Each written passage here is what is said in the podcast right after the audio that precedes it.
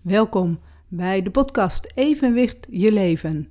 De podcast over ons evenwicht in de breedste zin van het woord. Dit is seizoen 3, aflevering 13, meebewegen. Meebewegen lijkt op het woord wat ik in het begin van het jaar als jaarwoord heb gekozen. Toen had ik gekozen meestromen. En meestromen, meebewegen, het lijkt wat op elkaar. Ik heb dat in het begin van het jaar ook over verteld, waarom ik dat woord ook gekozen heb, maar dat ik eigenlijk ook niet precies weet wat er mij allemaal staat te gebeuren.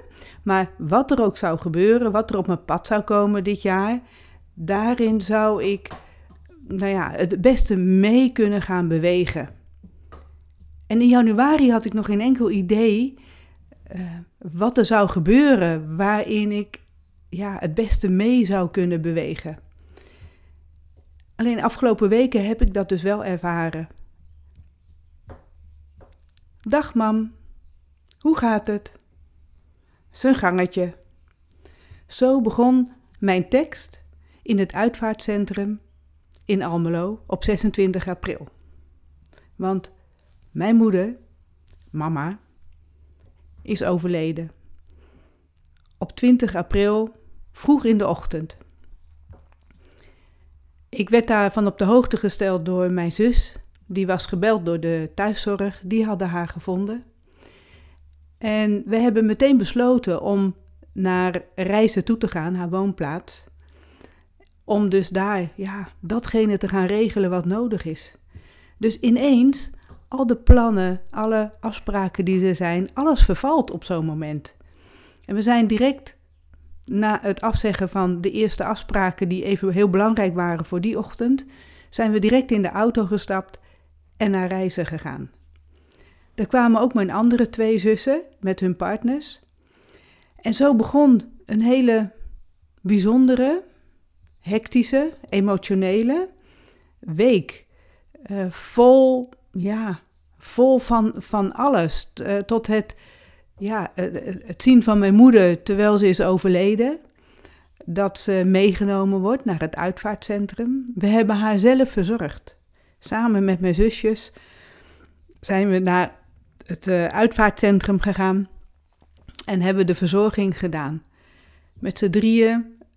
Ja, mijn ene zus is kapster, dus die kan heel goed ook die verzorging doen. Die vindt het ook helemaal niet moeilijk of zo om, om iemand die is overleden, om, om daarvoor te zorgen, om, om die uh, wat nodig is, wat, wat even schoongemaakt moet worden, uh, om de haren te doen. Uh, het, ik vind dat nog best moeilijk. Alleen ik wist ook wel, juist omdat mijn zussen erbij waren, ik kan ook weglopen.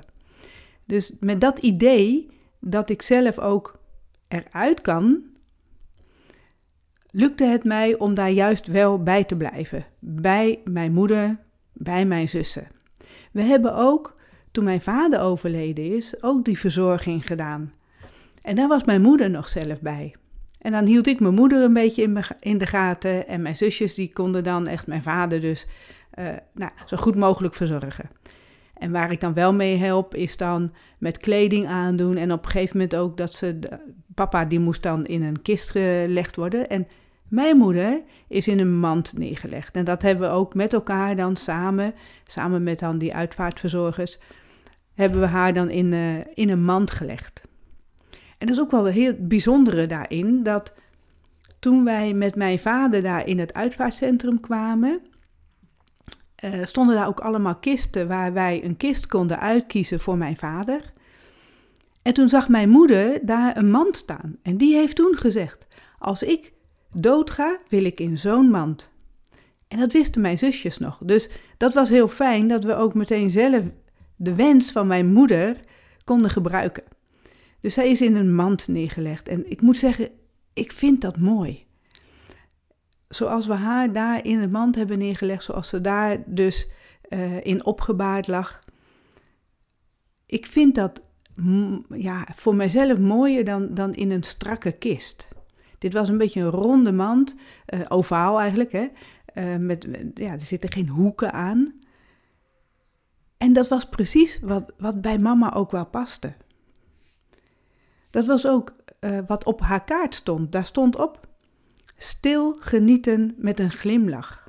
Dat is wat ze de laatste jaren steeds gedaan heeft. Haar wereld werd steeds stiller, want nou, ze werd nagenoeg doof. Helemaal zonder hoortoestellen in kon zij de omgeving niet meer horen. Dus het werd steeds stiller om haar heen. Maar als je goed keek, dan zag je dat ze wel aan het genieten was. Als je met haar in een groep mensen was, vooral als we dan uit eten gingen, want dat deed ze heel graag. En we zaten dan in een uh, restaurant, dan kon ze om zich heen kijken en ze kon de gesprekken niet volgen. Ze kon ons niet verstaan, omdat er veel te veel rumoer was. Ondanks haar hoortoestellen was dat heel moeilijk. Die waren ook niet helemaal goed afgesteld en zo. Kreeg het ook maar niet voor elkaar dat ze dat goed deden bij de audition. Dus zij kon ons gesprek nooit volgen in een restaurant. En toch ging ze graag naar een restaurant. Omdat ze daar toch ook andere mensen zou zien.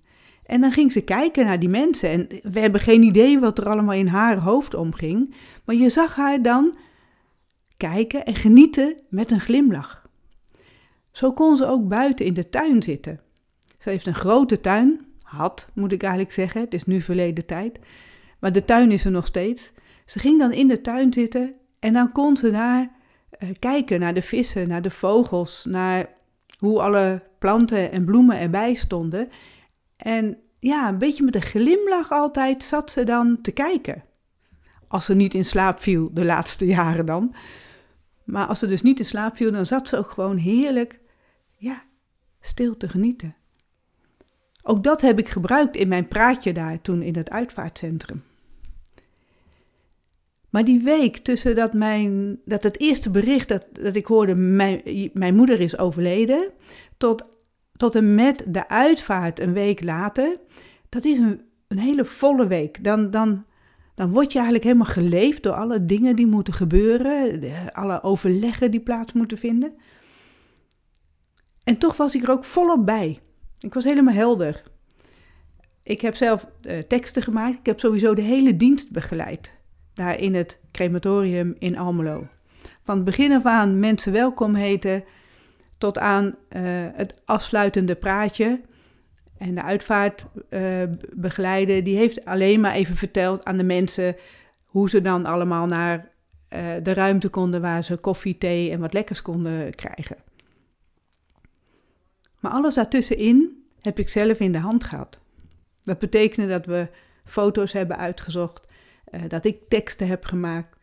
Dat ik mijn eigen tekst, ik heb echt een eigen verhaal ook gehouden, dat heb ik op papier gezet om een beetje de tijd natuurlijk in te schatten. En dat mocht natuurlijk niet te lang zijn. En dat ook oefenen. Want juist het oefenen is dan heel belangrijk, omdat ik dat binnen die tijd wilde hebben.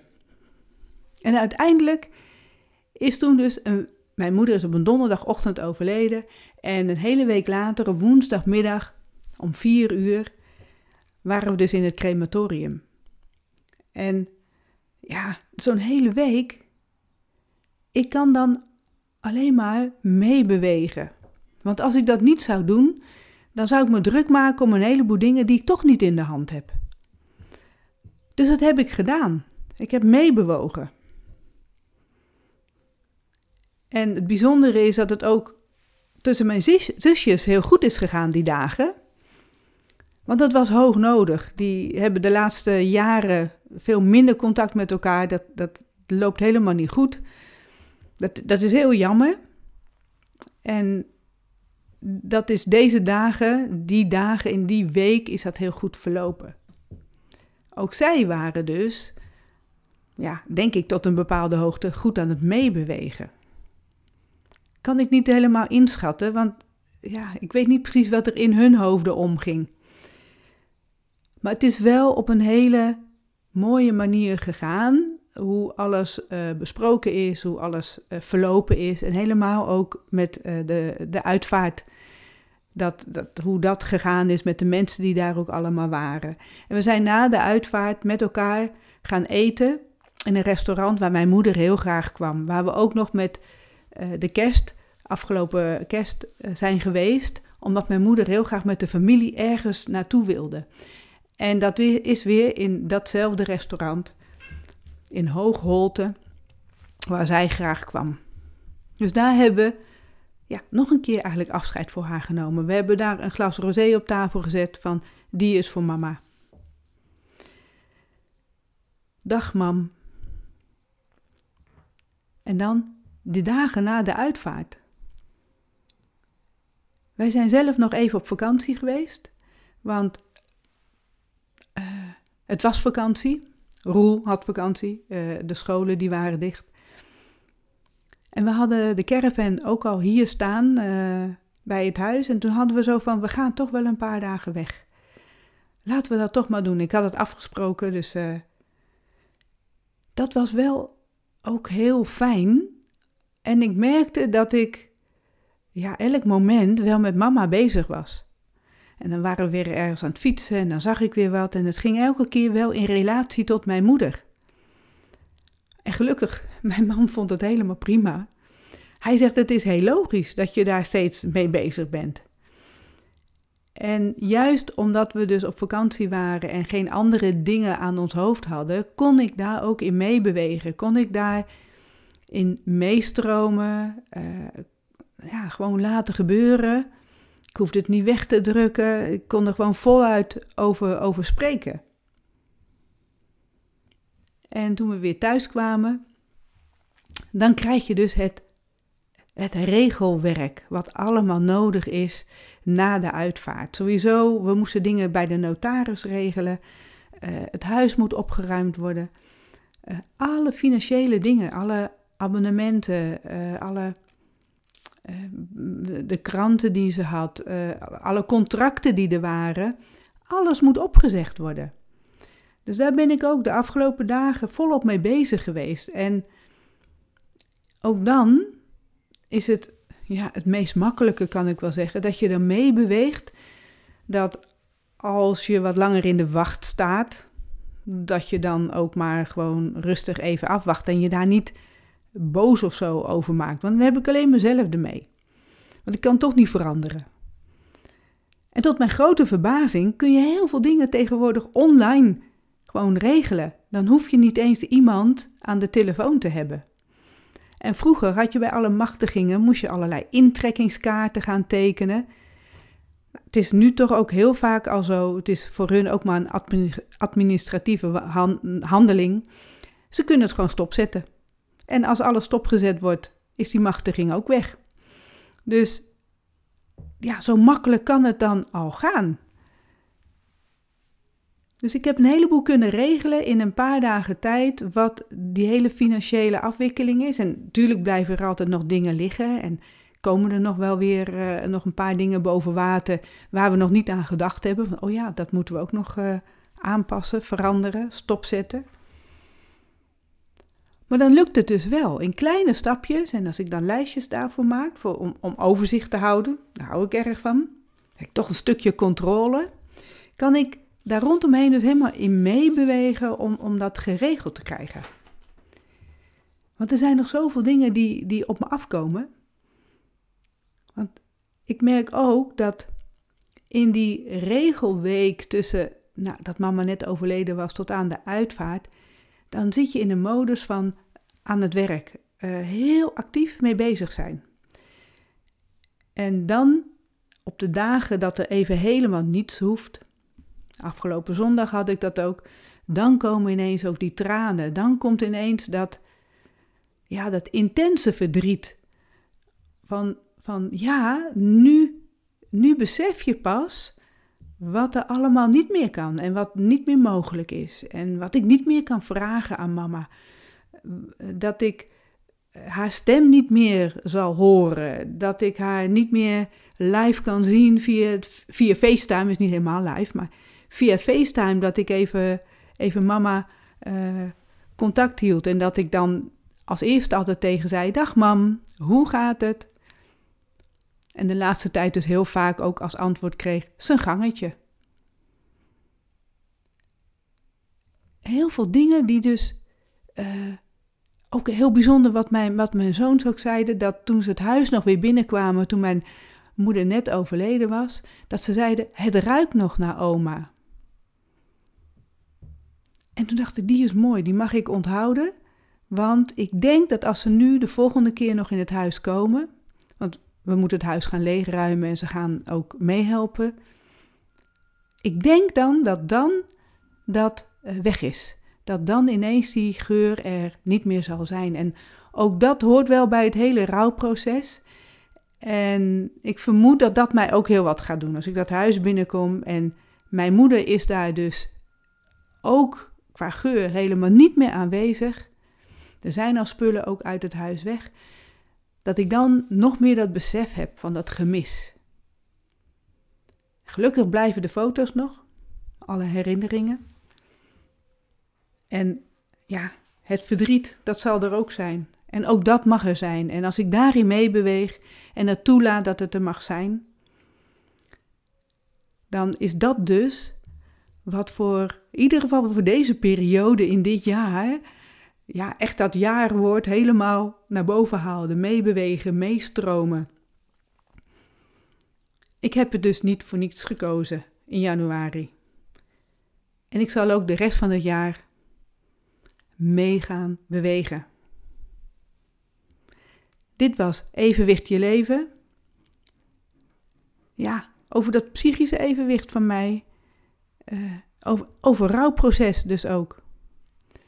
Dus dankjewel voor het luisteren. En tot de volgende keer.